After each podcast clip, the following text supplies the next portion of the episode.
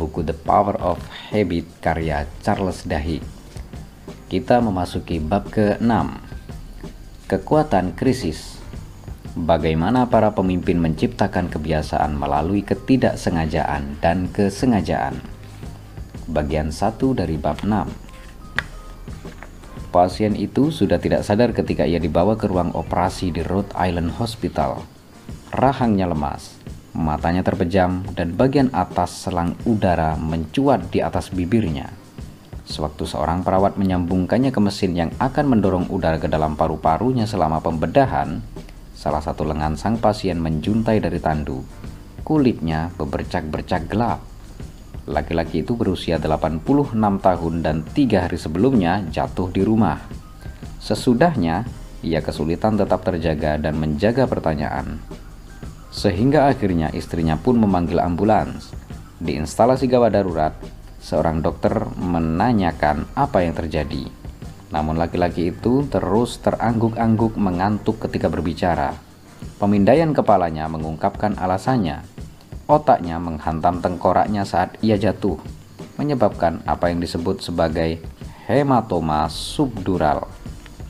Darah menggenang di bagian kiri tempurung kepalanya menekan jaringan-jaringan lunak di dalam tengkoraknya.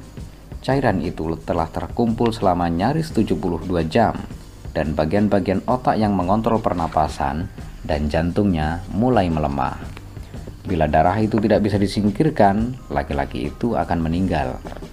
Waktu itu, Rhode Island Hospital adalah salah satu institusi medis terkemuka di Amerika Serikat rumah sakit ajar utama Brown University, dan satu-satunya pusat trauma level 1 di New England Tenggara.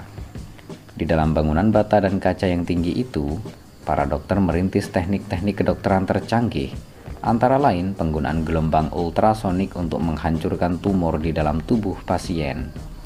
Tahun 2002, National Coalition on Healthcare menilai unit perawatan intensif rumah sakit itu sebagai salah satu yang terbaik di AS namun ketika si pasien lanjut usia tiba, Rhode Island Hospital juga punya satu reputasi lagi. Tempat yang tercabik ketegangan internal. Ada permusuhan mendalam dan menggelegak antara para perawat dan dokter. Tahun 2000, Serikat Perawat memutuskan untuk mogok setelah mengeluh bahwa mereka dipaksa bekerja untuk jangka waktu terlalu lama setiap harinya. 300 lebih perawat berdiri di luar rumah sakit dengan poster-poster bertuliskan, hentikan perbudakan, dan jangan renggut martabat kami. Tempat ini bisa mengerikan. Seorang perawat mengingat-ingat apa yang ia katakan kepada seorang wartawan. Dokter-dokter bisa membuat kami merasa tidak berguna, seolah kami bisa dibuang begitu saja. Seolah-olah kami seharusnya bersyukur boleh menjadi pembantu mereka. Para pengelola rumah sakit akhirnya setuju untuk membatasi jam lembur wajib perawat. Namun ketegangan terus meningkat Beberapa tahun kemudian, seorang ahli bedah sedang bersiap-siap melaksanakan operasi perut rutin ketika seorang perawat meminta time out. Rehat sejenak semacam itu merupakan prosedur standar di sebagian besar rumah sakit. Cara bagi dokter dan staf untuk memastikan tidak terjadi kesalahan. Staf perawat di Rhode Island Hospital bersikeras agar time out boleh dilakukan terutama setelah ada kejadian seorang ahli bedah tanpa sengaja mengangkat amandel seorang anak perempuan yang seharusnya menjalani operasi mata. Time out dimaksudkan untuk mendeteksi kesalahan sebelum terjadi. Dalam pembedahan perut itu, ketika perawat ruang operasi meminta tim untuk berkumpul di sekeliling pasien untuk time out dan membahas rencana mereka, si dokter malah berjalan ke pintu. Ya sudah, kamu saja yang memimpin kata si ahli bedah kepada sang perawat. Aku mau keluar untuk menelpon. Panggil saja kalau kalian siap. Anda seharusnya mengikuti ini, dokter, si perawat membalas. Kamu bisa kok menangani ini, sahut si ahli bedah sambil berjalan ke pintu. Dokter, saya rasa ini tidak sepantasnya. Sang dokter berhenti dan menatap sang perawat. Kalau saya perlu pendapat Anda, saya pasti minta, ia berkata. Jangan pernah pertanyakan kewenangan saya lagi. Jika Anda tidak bisa melakukan pekerjaan Anda, keluar saja dari ruang operasi saya. Brengsek. Sang perawat memimpin time out itu.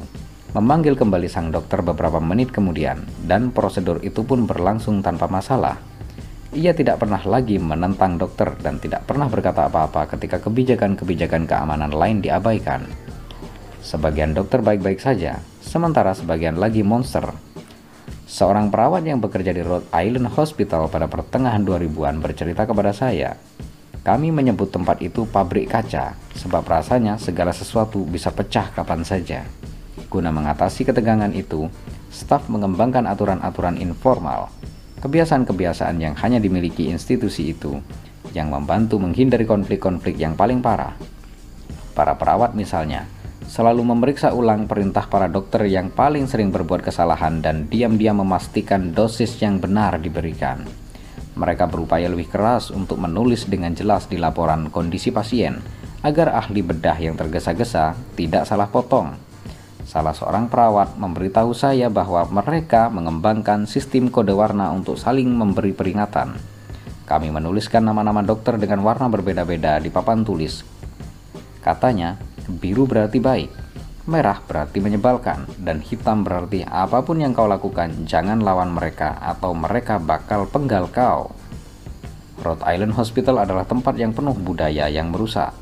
Tak seperti di Alcoa, di mana kebiasaan-kebiasaan kunci yang dirancang secara berhati-hati demi keselamatan pekerja telah mendatangkan kesuksesan yang semakin meningkat. Di Rhode Island Hospital, Kebiasaan timbul sambil jalan di antara para perawat yang mencari cara mengatasi arogansi para dokter. Rutinitas di rumah sakit itu tidak dipikirkan secara berhati-hati. Rutinitas justru muncul akibat ketidaksengajaan dan menyebar melalui bisikan-bisikan peringatan. Sampai satu pola beracun muncul. Hal ini bisa terjadi di dalam organisasi apa pun yang tidak memiliki kebiasaan yang dirancang dengan sengaja Bila memilih kebiasaan kunci yang benar bisa menciptakan perubahan yang menakjubkan, memilih kebiasaan kunci yang salah justru mendatangkan bencana. Dan ketika kebiasaan-kebiasaan di dalam Rhode Island Hospital runtuh, terjadilah kesalahan-kesalahan mengerikan. Ketika staf instalasi gawat darurat melihat hasil pindaian otak sang laki-laki berusia 86 tahun yang terserang hematoma subdural, mereka lekas-lekas mengirimkan pesan pager ke ahli bedah saraf yang bertugas. Ia sedang menjalankan pembedahan rutin urat saraf tulang belakang. Namun sewaktu mendapatkan pesan itu, ia meninggalkan meja operasi dan mempelajari citra-citra kepala laki-laki tua itu di layar komputer. Sang ahli bedah menyuruh asistennya, seorang perawat praktisioner, untuk pergi ke instalasi gawat darurat dan meminta istri laki-laki itu menandatangani formulir persetujuan pembedahan. Ia pun menyelesaikan prosedur bedah urat tulang belakangnya. Setengah jam kemudian, laki-laki tua itu didorong ke teater operasi yang sama. Para perawat sibuk ke sana kemari.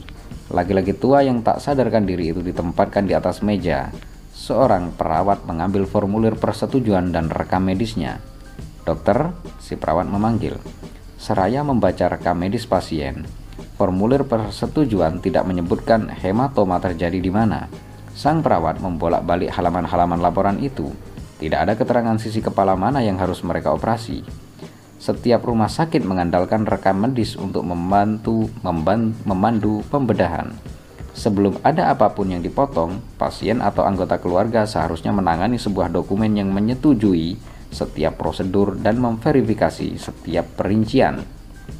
Di dalam lingkungan yang kacau balau, di mana bisa sampai selusin dokter dan pasien yang menangani pasien dari IGD sampai ruang pemulihan. Formulir persetujuan adalah instruksi yang mencantumkan urut-urutan apa yang seharusnya terjadi. Tak seorang pun boleh dibedah tanpa persetujuan terperinci yang ditandatangani. Saya sudah lihat hasil pindaiannya, sakut sang ahli bedah. Sisi kanan kepala kok. Kalau kita tidak cepat-cepat, nanti dia meninggal. Mungkin kita harus lihat foto-fotonya lagi kata sang perawat sambil bergerak menuju terminal komputer untuk alasan keamanan. Komputer-komputer di rumah sakit itu otomatis terkunci setelah 15 menit tidak digunakan. Butuh setidaknya satu menit bagi si perawat untuk masuk ke sistem dan memunculkan hasil pindaian otak si pasien ke layar. Kita tidak punya waktu, balas sang ahli bedah. Kata mereka, kondisinya menurun. Kita harus turunkan tekanan di otaknya. Bagaimana kalau kita cari keluarganya dulu Tanya sang perawat. Kalau itu yang Anda mau, sana telepon IGD dan cari keluarganya. Sementara itu, saya akan selamatkan nyawanya. Si alih bedah merenggut merenggut dokumen itu, menuliskan kanan di formulir persetujuan dan menandatanganinya. Tuh, ia berkata, kita harus operasi dia segera. Sang perawat telah bekerja di Rhode Island Hospital selama setahun. Dia paham budaya di rumah sakit itu. Si perawat tahu nama ahli bedah ini kerap kali dituliskan dengan warna hitam di papan tulis besar di aula, yang menandakan para perawat harus hati-hati. Aturan-aturan tak tertulis dalam skenario itu jelas. Ahli bedah selalu menang.